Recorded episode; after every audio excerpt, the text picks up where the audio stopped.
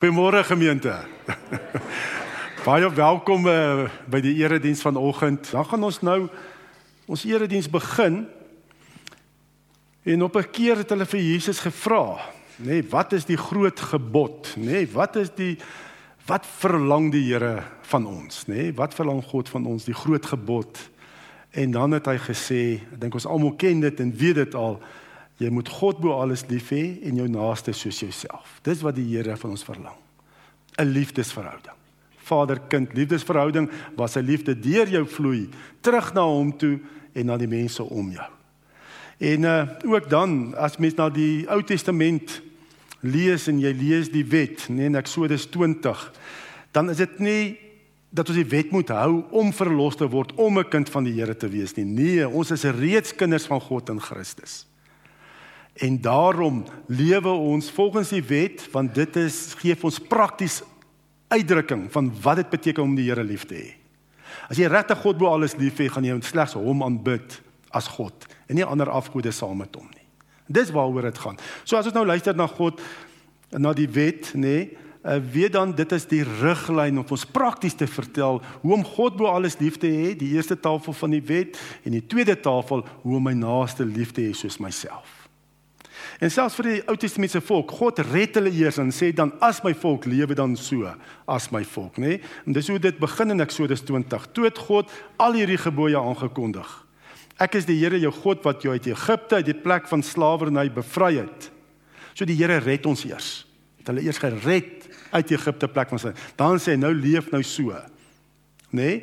En deur so te lewe, nê, nee, leef jy prakties om God bo alles lief te hê en jou naaste soos jouself. So as ons luister na die eerste gebod as jy die Here werklik liefhet bo alles nê dan sal jy en jy mag naas hom geen ander gode hê nie. En jy mag nie vir jou beeld of enige afbeelding maak van wat in die hemel daarbo of op die aarde hieronder of in die water onder die aarde is nie. Jy mag hulle nie vereer of dien nie want ek die Here jou God eis onverdeelde trou aan my. Ek reken kinders die sondes van hulle vaders toe selfs tot in die derde en vierde geslag van die wat my haat. Maar ek betoon my liefde tot aan die duisendste geslag van die wat my liefhet en my gebooie gehoorsaam. En as jy die Here regtig bo alles liefhet, nee, dan sal jy en jy mag die naam van die Here jou God nie misbruik nie, want die Here sal die een wat sy naam misbruik nie ongestraf laat bly nie. En hoe baie word God se naam nie as 'n vloekwoord, as 'n kragwoord gebruik nie nie. Maak 'n bespotting En dis nie liefde nie. Dis 'n bespotting. En ook as jy God bo alles liefhet, nê, dan sal jy hier by mekaar wil kom, nê, as gemeente, nê. En dit is wat die volgende gebod sê: Sorg dat jy Saterdag heilig hou. Ses dae moet jy werk en alles doen wat jy moet, maar die sewende dag is die Sabbat van die Here jou God. Dan mag jy geen werk doen nie, nie jy of jou seun of jou dogter of die man of vrou wat vir jou werk of enige dier van jou of die vreemdeling by jou nie. Die Here het in 6 dae die hemel en alles daarin gemaak, die aarde en alles daarop, die see en alles daarin, en op die sewende dag het hy gerus. En daarom het die Here dit as 'n gereelde rusdag ingestel en dit geheilig.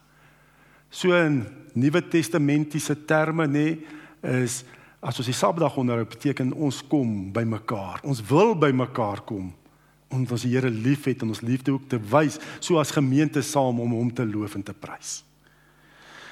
En dan ook as jy jou naaste liefhet soos jouself, nê? Dan sal jy ook eer jou vader en jou moeder, dan sê lank bly woon in die land wat die Here jou God vir jou gee. Jy sal jou ouers eer.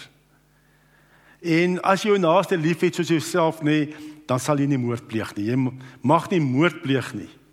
Jy mag nie egbreek pleeg nie. Jy mag nie steel nie. Jy mag nie valse getuienis teen 'n ander gee nie. Jy mag nie iemand anders se huis begeer nie. Jy mag nie sy vrou begeer nie, ook nie 'n slaaf of slavin, 'n bees of 'n donkie of enigiets anders wat aan hom behoort nie. Ja, dit is prakties hoe ons die Here bo alles kan lief hê en my naaste soos myself. En omdat die Here jou liefhet, groet hy jou ook vanoggend met sy seën. Genade, barmhartigheid en vrede word ryklik geskenk van God ons Vader en ons Here Jesus Christus deur die kragtige werking van die Heilige Gees. Amen.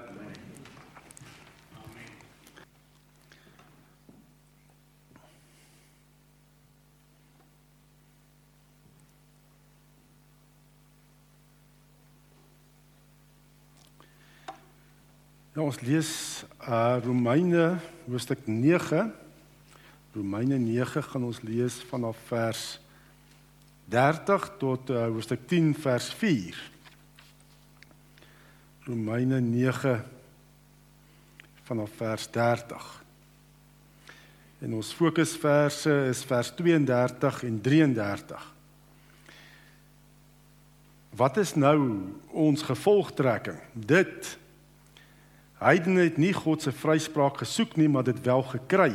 Die vryspraak deur die geloof. Israel daarenteen het 'n wet gesoek waardeur hulle God se vryspraak sou kon kry. Maar by so 'n wet het hulle nie uitgekom nie.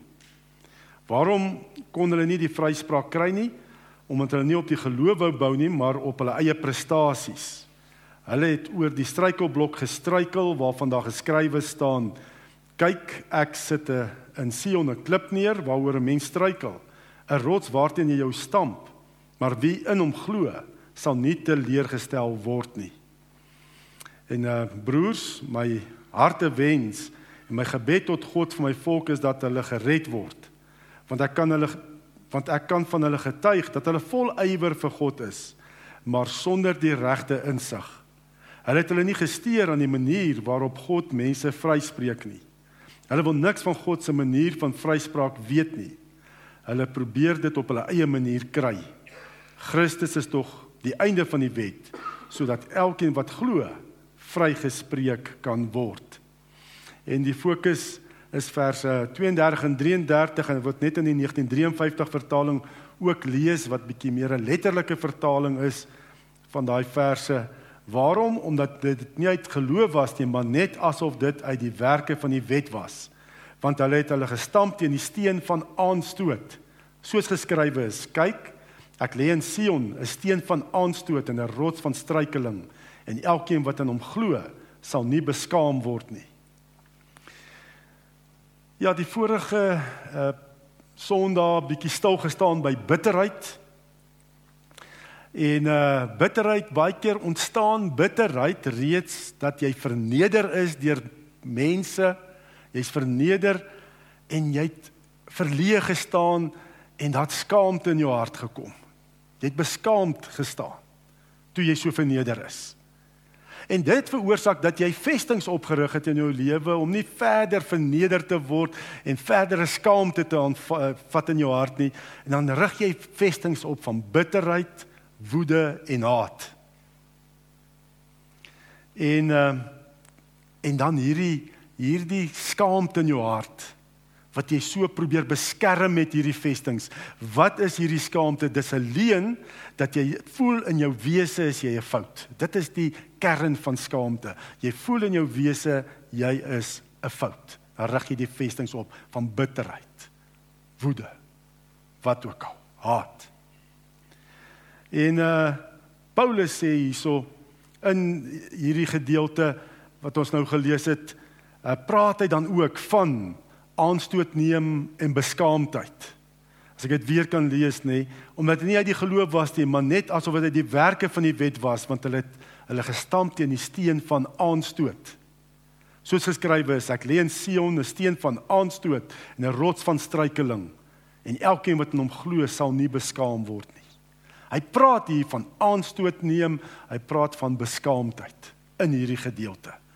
En hy haal hier aan uit Jesaja 8 vers 14 en Jesaja 28 vers 16 en hy maak dit van toepassing hierdie gedeeltes van Jesaja maak hy van toepassing op Jesus Christus.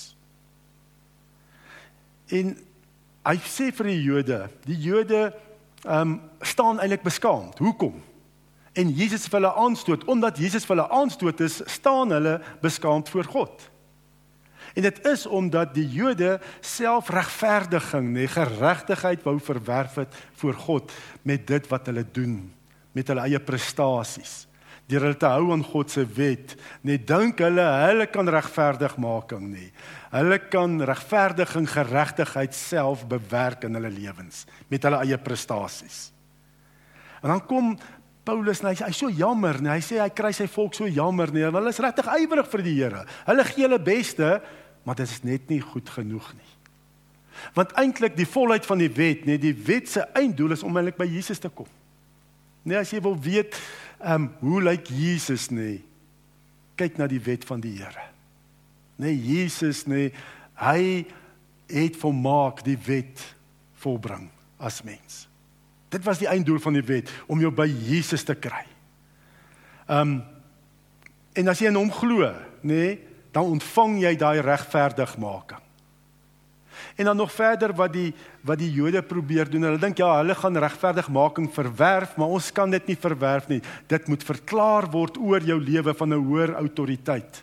God moet kom en verklaar oor jou jy is regverdig. En wanneer doen hy dit? Wanneer jy glo in Jesus wat in jou plek voluit gedoen het wat God gesê het in sy wet en sy woord.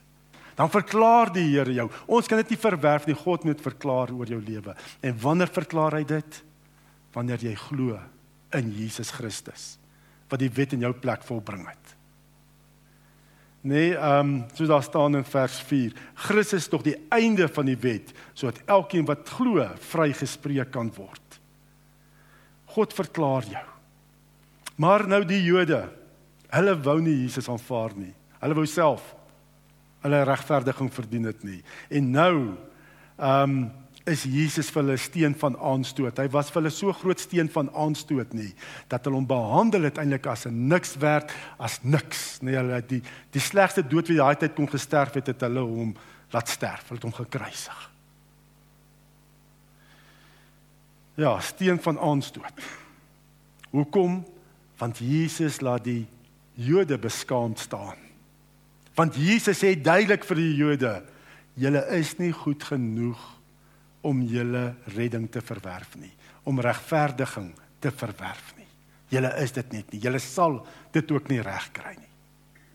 En daarom staan hulle met beskaamdheid as hulle met Jesus gekonfronteer word. En neem aanstoot. Maar sodra 'n Jood en enigiemand van ons net glo in Jesus, net dat hy in ons plek die regverdiging, geregtigheid verwerf het vir ons nie, dan val daai beskaamdheid weg. Dan neem hy dit weg. En so is Jesus, glo in Jesus Christus teen beskaamdheid. Daai beskaamdheid dat ek nie goed genoeg is nie, dat ek sleg is nie, dat ek het maar net nie het om 'n kind van die Here te wees nie, nee. As jy glo in Jesus, val dit weg. Maar sonder hom maak jy dit nie. Is jy nie goed genoeg nie? Sit jy nog met 'n sondige natuur? Kom ons kyk dan ook wat beteken beskaamdheid nê?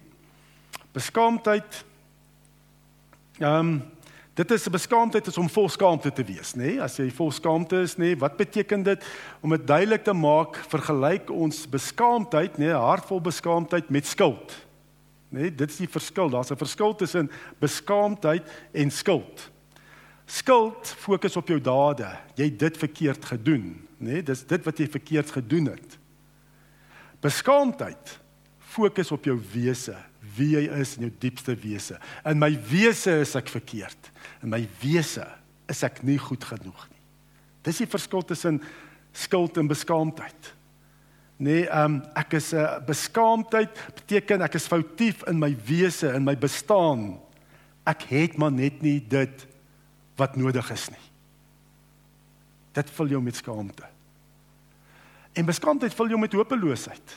Nee, daar's niks wat jy daaraan kan doen om dit weg te vat nie. Ek is maar net nie goed genoeg nie. In my wese is ek 'n fout.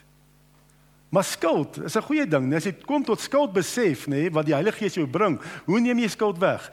Deur jou te bekeer, deur dit te bely en te bekeer. So God gebruik skuld. Nee, hy vertel vir ons uit sy woord en deur sy gees, dit is verkeerd. Bekeer jou daarvan, nê, stap die regte pad en dan val dit weg. Maar wie gebruik beskaamdheid? Satan, die vyand. Hy kom en sê vir jou jy is 'n fout. Jy is nie goed genoeg nie, kan niks daaraan doen nie. Niks daaraan doen nie. En dit vul jou met hopeloosheid. Ehm um, Ja. En dit wat met die Jode gebeur ook, nê? Omdat hulle nie Christus aanvaar nie, kom hulle tot die erkenning. As hulle gekonfronteer word met Jesus, dan is dit so ek as mens is 'n fout.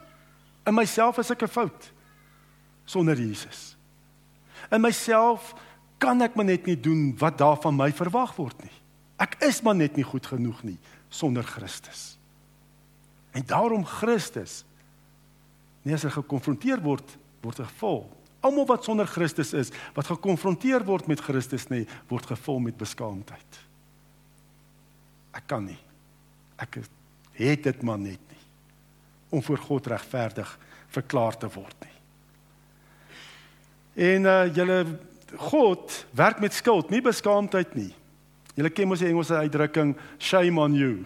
Nee, Satan wil reeds skaamte op jou plaas. Shame on you. Koop nie, ons moet nie daai woorde gebruik nie. Dis Satan wat dit doen, nê, nee, om beskaamdheid op mense te plaas. Wat wil God? Hy wil dit reeds afhaal. Shame off you in Christus. O, dat en baie keer is so half sulke tussenwoordjies wat gesê word, ag shame, ag shame. Weet, ek het nou dag toe praat ek met 'n vrou. Nou nou praat ek met haar, sê sy jy het vir my ag shame, ag sy tog net maar hoekom moet ek skaam wees? Waar waaroor gaan dit? Verstaan jy, sy kry my so jammer, maar waaroor ek praat maar net gewone oor dinge. Ag shame, ag shame. Nee man. Nee Gert.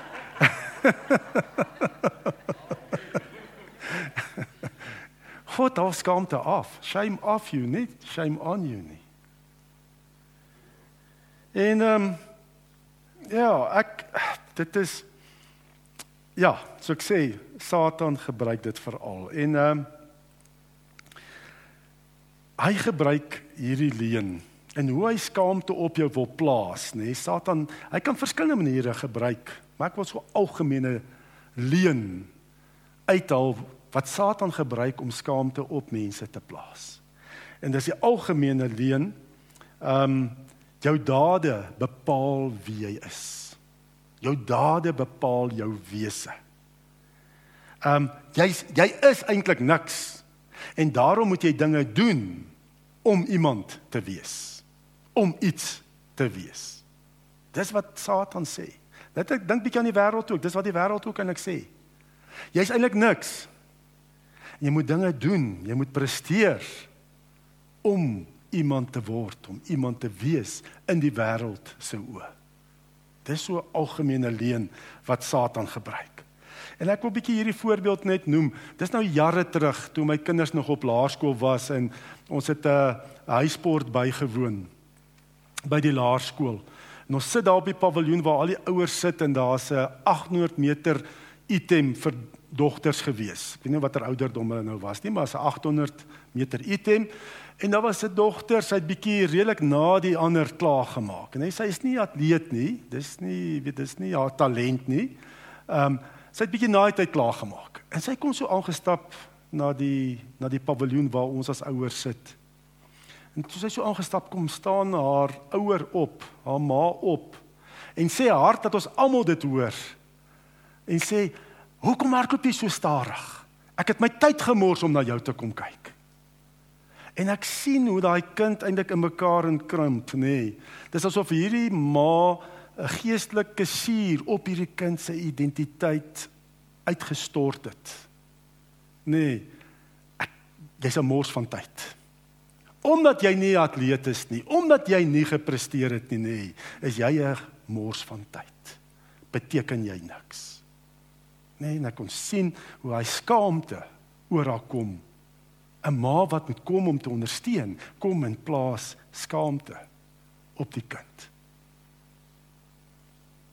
Nee, jy's niks. Jy's 'n mors van tyd. Ehm um, ja, ek my tyd gemors. Ek gister toe ons ook uitgegaan het, nê. Nee, en dit is die leuen van Satan. Jy's eintlik niks, maar jy moet dinge doen, jy moet presteer om iets te wees. Om jou wese te tel, om 'n identiteit te hê.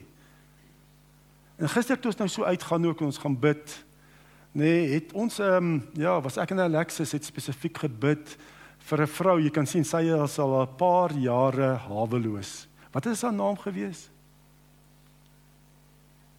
Nee, nee, sy ander een. Ja, ag, maar dit maak nou in 'n geval nie saak nie.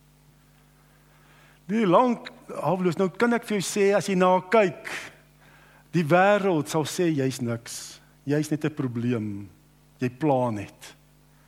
Ehm um, nee sy ehm um, sy sy vertel toe sy was 'n ongeluk en ons toe gebid want sy loop so stadig en so seer nê. Sy 'n kar het haar omgery. En ehm um, karata omgeruim, dis hoekom dit so seer en pyn het en so. En in ons bid toe, weet dat die Here haar sal kom aanraak en so. En toe ons toe vir haar bid, kom sy en sy vertel haar storie en sy vertel ehm um, paar jaar terug sy was dood, nê? Nee? Sy sy het 'n nadoodse ervaring gehad en sy het ervaar sy's in uh, die tuin van Eden. En daar's drie stoele. Sy kon nie sien wie sit op die stoel nie, maar daar's drie stoele. En daar's 'n stem wat met haar gepraat het en sy het gesê en die stem het gesê jy moet teruggaan, jy moet hierdie storie gaan vertel vir die wêreld. En sy het weer lewendig geword.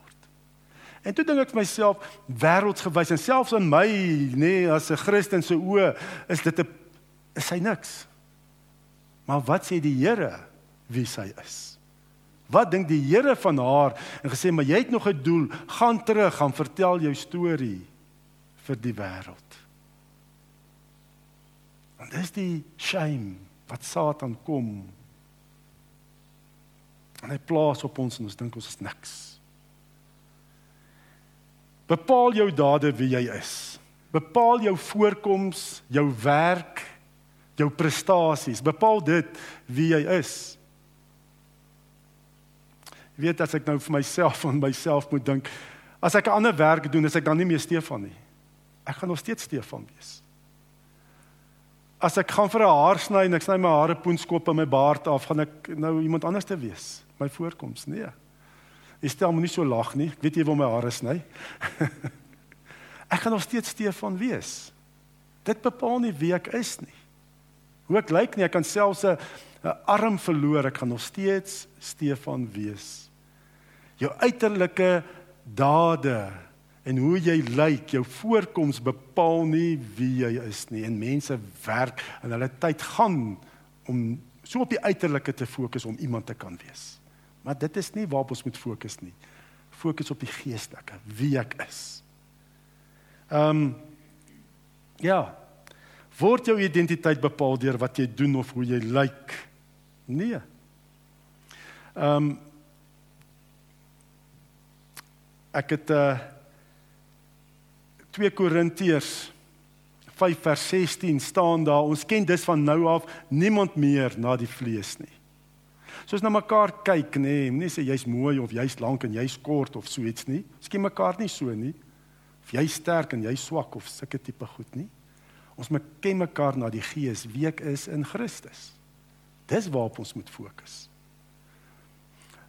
My dade bepaal nie wie ek is nie. Wie ek is bepaal wat ek doen. Wat ek doen bepaal nie wie ek is nie. Wie ek is bepaal wat ek doen. Onthou daai ding. Wie ek is bepaal wat ek doen. Ek het dit vergelyk met my huwelikstatus, nê. Die dag toe ek vir Ilse Marie ja gesê het, nê, het dit my lewe verander hoe ek teenoor ander vrouens optree en hoe ek teenoor haar optree nê? Nee? Nee, my huwelik staan ek's nou getroud. Nou hanteer ek ander vrouens ander manier as vir Ilse Marie. My huwelik status bepaal wat ek doen.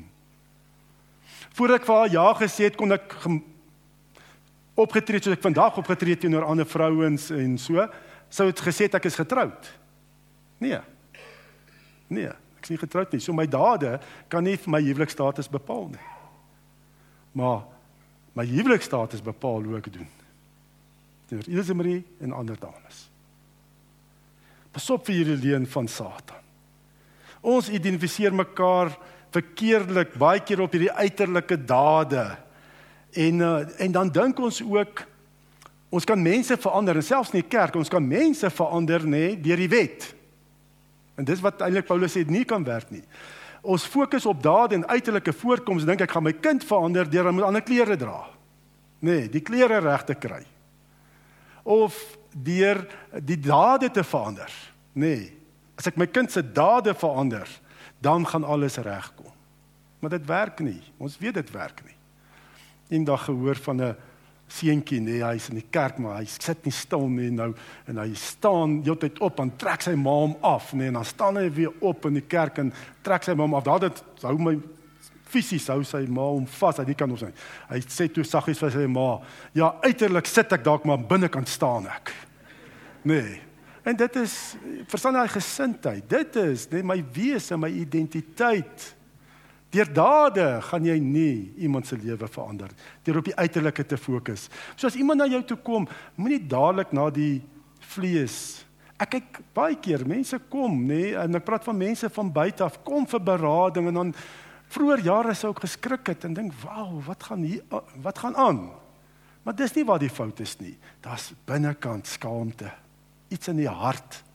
Daar's 'n gat vol skaamte wat mense probeer bedek met 'n uiterlike voorkoms of probeer bedek deur vestings en en deur middels te gebruik en deur uh, haat en al sulke tipe goed. Kyk verby dit, kyk na die hart. Na die identiteit wie die persoon in Christus is.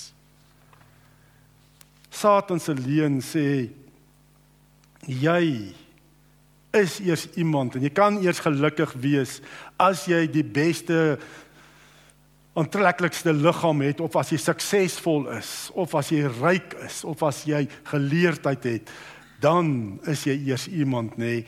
Ehm um, sukses is gelyk aan waarde, identiteit is gelyk aan geluk. As dit so was, nee, dan sou Salomo seker die gelukkigste mens gewees het op aarde, nie die, die tevredenste mens op aarde nê. Nee. Maar ehm um, Salomo nê, nee, hy was koning gewees tydens die hoogtepunt van van Israel se bestaan. Hy was ryk gewees, hy het klomp vrouens gehad. Hy het geld gehad, hy het status gehad. Ander uh, koninginne het van kom kuier, nê? Nee? Die koningin van die watter een is nou Skeba het gekom om te kom kyk wat daar gebeur. Wow, joh, koning, jy's on great. Nee. Maar lees sy boek Predikers, Wat sê hy in Prediker as hy oor alles nadink nê en dit evalueer? Wat sê hy? Niks. Te vergeefs. Alles is te vergeefs. Hierdie uiterlike dinge kan nie daai gat vol skaamte heel maak genees nie. Kan nie. En so weet ons ook, daar's baie suksesvolle mense, ryk mense wat net voel die lewe is nie moeite werd nie en neem hulle eie lewens. Baie mense klim die leer van sukses hulle bo kom kom wag toe hierdie leer was van teen verkeerde muur. Kry nie daai vervulling en heel wees nie. Das baie keer daai groot gat vol skaamte wat jou laat vra, wat is die sin van die lewe? Waaroor gaan die lewe? Is die dinge reg uitgesort? Goed. Ja. En dis slegs in Jesus wat daai gemis kan kom vul en wat daai hart vol skaamte kan kom genees. Net Jesus kan dit doen. Paulus skryf in Kolossense 2 vers 10 en jy het die volheid in hom, dis die volheid in Jesus wat die hoof is van alle owerheid en mag. Hierdie volheid beteken om heel te maak, om te genees. Jesus alleen kan jou lewe heel maak, kan jou genees. Hoekom? Hy versoen ons weer met God. Hy maak ons weer God se kinders. Hy deur sy gees ook nê, dat hy ons wedergebore dat ons weer word soos wat ons oorspronklik geskape is. 'n Noue verhouding met God die Vader. En dit maak jou heel. Dit laat jou genees. Jy's 'n beelddraer van God.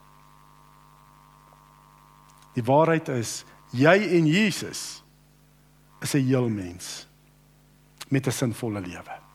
Jy en Jesus. Nie jy en sukses of so iets nie. Jy en Jesus het jy die volheid. Die volheid in hom. Dis waar alles begin.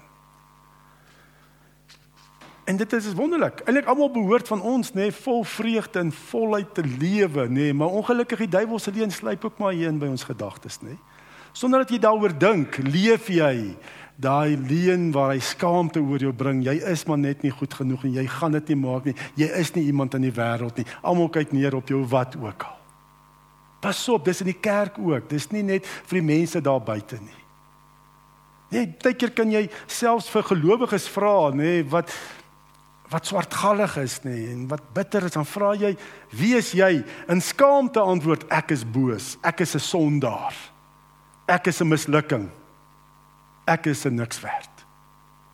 Baie keer is in onderbewussyn wat jy dit lewe.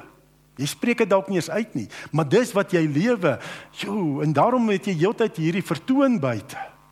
Maar diep in jou wese sê jy ek is maar net nie goed nie, ek's 'n fout. Dit wat met my gebeur het, nê? So almal van ons kan in meerdere mindere mate nê met 'n eh, van skaamte rondloop in ons harte. En daarom is ek ook nie eerlik somme nie. Nee, ek moet iets ek moet 'n iets voorhou. Ek is 'n mislukking. Ek is sleg. Ek is niks werd. En dan val jy vir Satan se aanklagte, hy sê daai verkeerde maatstaf oor jou identiteit. Wat sê ehm um, jy het gesondig, so jy is 'n sondaar. Jou dade bepaal wie jy is. Jy het 'n fout gemaak, so jy is 'n fout. Jy het misluk, so jy is 'n mislukking. Agterkeer sê ons dit ook, sommer ons vir ons kinders, nê. Nee. Nee, ehm um, ehm um, ja, jy ons ons ons maak nie verskil tussen dade en identiteit nie, nê. My kind misluk, dan sê jy gaan dit ook nooit maak in die lewe nie. Byvoorbeeld, dan dink jy hy negatiewe motivering. Of uh jou kind vertel 'n leuen en sê jy 'n leenaar, nê? Nee? In plaas van jou kind het 'n leuen vertel. Verstaan jy daai skaamte wat ons so plaas deur te sê soos wat die duiwel sê, dit wat jy doen is wie jy is en dis 'n leuen. Nee, ons leef dit. En wat veroorsaak dit? Ek misluk en ek sien myself as 'n mislukking en dit veroorsaak dat ek nog meer misluk. En dit veroorsaak later ek nie eens meer probeer nie want ek gaan misluk. Verstaan jy daai downward spiral daai hoe jy spiraal af. En later is daar geleenthede wat die Here op jou pad plaas. Jy kyk dit mis want jy's te bang om dit te vat want ek gaan mos misluk. Al is ek 'n kind van die Here. Is ek gered? Ek kan maar net vir jou sê in Jesus kan jy nooit 'n fout wees nie. Jy kan nie niks werd wees nie. Want hoekom? Hy het gedink jy's belangrik genoeg. Jy's kosbaar genoeg dat hy jou gekoop het met sy bloed. God maak nie niks werds nie. Hy maak nie mislukkings nie. Hy maak kinders van God. Koningskinders. Mense van die lig. Jy kan nooit 'n fout wees of jou kind 'n fout wees nie. God maak nie foute nie. Mislukkings nie. Identifiseer jouself met wie hy is in Christus. En ehm um, en daarom net soos wat ehm um, Paulus hier sê, die wat in hom glo, as jy skaamte in jou hart het, nee, en jy voel nie goed genoeg nie. Jy voel mense kyk neer op jou. En jy voel jy gaan dit nie maak nie en voel dat niemand jou aanvaar nie. Jy is nie aanvaarbaar nie. As al daai goeters nê, kyk na die kruis van Jesus. Hy is daar gehanteer asof hy 'n groot flop is. Asof hy 'n fout is. Asof hy maar net nie het wat wat die volk nodig gehad het nie. As 'n niks werd. Sy buitekant die stad gekruisig. Hy het al daai skaamte van jou het hy gevat en hy het gedra na die kruis toe. En hy daarvoor betaal en gesê dit is volbring vanuit die kruis sê die Here vir jou jy is soveel werd vir my. Kyk na my seun aan die kruis. Hoe het hy daar wat hy gedoen het. Hy het daarvoor betaal. Jou waarde is my seun Jesus Christus sy bloed. En ek het jou hier op aarde geplaas. Selfs soos wat hy daai vrou weer teruggestuur het aarde toe om te kom vertel dis hy het nog 'n doel en plan in God se koninkryk. Het die Here as jy nog asemhaal sê die Here jy moet hier wees. Jou lewe is sinvol. Daar's dinge wat hy in en deur jou wil doen. Jy moet hier wees. En ek gee vir jou alles dat jy suksesvol sal wees in my koninkryk. Aanvaar dit, aanvaar dit. Want Christus maak ons vry. Glo in hom. En hy vat al daai skaamte weg. Vervang hy leen van Satan dat jou dade bepaal wie jy is. En aanvaar wat God van jou sê en dit sal jou lewe verander. Kom ons bid saam. Here, ons kom en wil net dankie sê, Here, dat elkeen van ons hier kosbaar is. En ons identifiseer mekaar nie meer na die vlees nie, maar na die gees. En Here ook die kosbaarste geskenke wat U vir ons gegee het is ons kinders. Om hulle te lei om die waarheid te lewe om te sê jy plus Christus is 'n volheid. Het 'n vol lewe. Het 'n sinvolle lewe. Dankie daarvoor, Here, en dat ons dit self ook sal lewe. Here, dat ons altyd sal fokus wat sê U wie ons is. En Here, dat ons ook sal uitgaan die wêreld in Men wat so gejaag is en alles so gejaag is baie keer soos wat Salomo sê dis te vergeefs. Dit kom tot niks. Dat ons u waarheid sal gaan verkondig. Ook soos dit die naweek uitgegaan het, Here dat dit ook 'n lewenstyl sal wees. Om oral waar ons gaan, ons lewe sal bring, die waarheid in Christus wat mense vrymaak. Vrymaak. Ja Vader, dankie daarvoor. Dankie daarvoor. Want baie keer skaf mense dinge aan om ander mense te beïndruk, ander mense wat nie eens weet wie hulle is nie. Dit, dit hou jou so besig. Here, vat dit weg. Vat daai skaamte weg en kom maak U ons heel deur die bloed van die seun Jesus Christus. Kom Here vir elkeen van ons. Heilige Gees, Kom praat met elkeen van ons. Terwyl ons net so ook in u teenwoordigheid sit, kom wys u 'n beeld of 'n gedagte. Wat sê u oor elkeen van ons? Daar waar ons sit.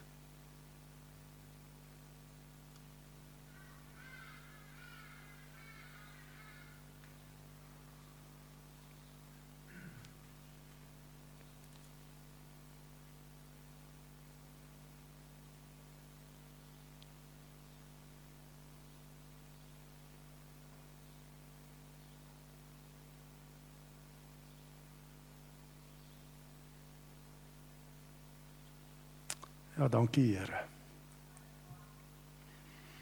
U woord is die waarheid. En ons glo wie u sê u is en ons glo ook wie u sê ons is. In Jesus se kosbare bloed. Amen. Amen. Ontvang die seën van die Here. Die genade van ons Here Jesus Christus en die liefde van God die Vader en die gemeenskap van die Heilige Gees sal by ons elkeen wees en bly. Amen.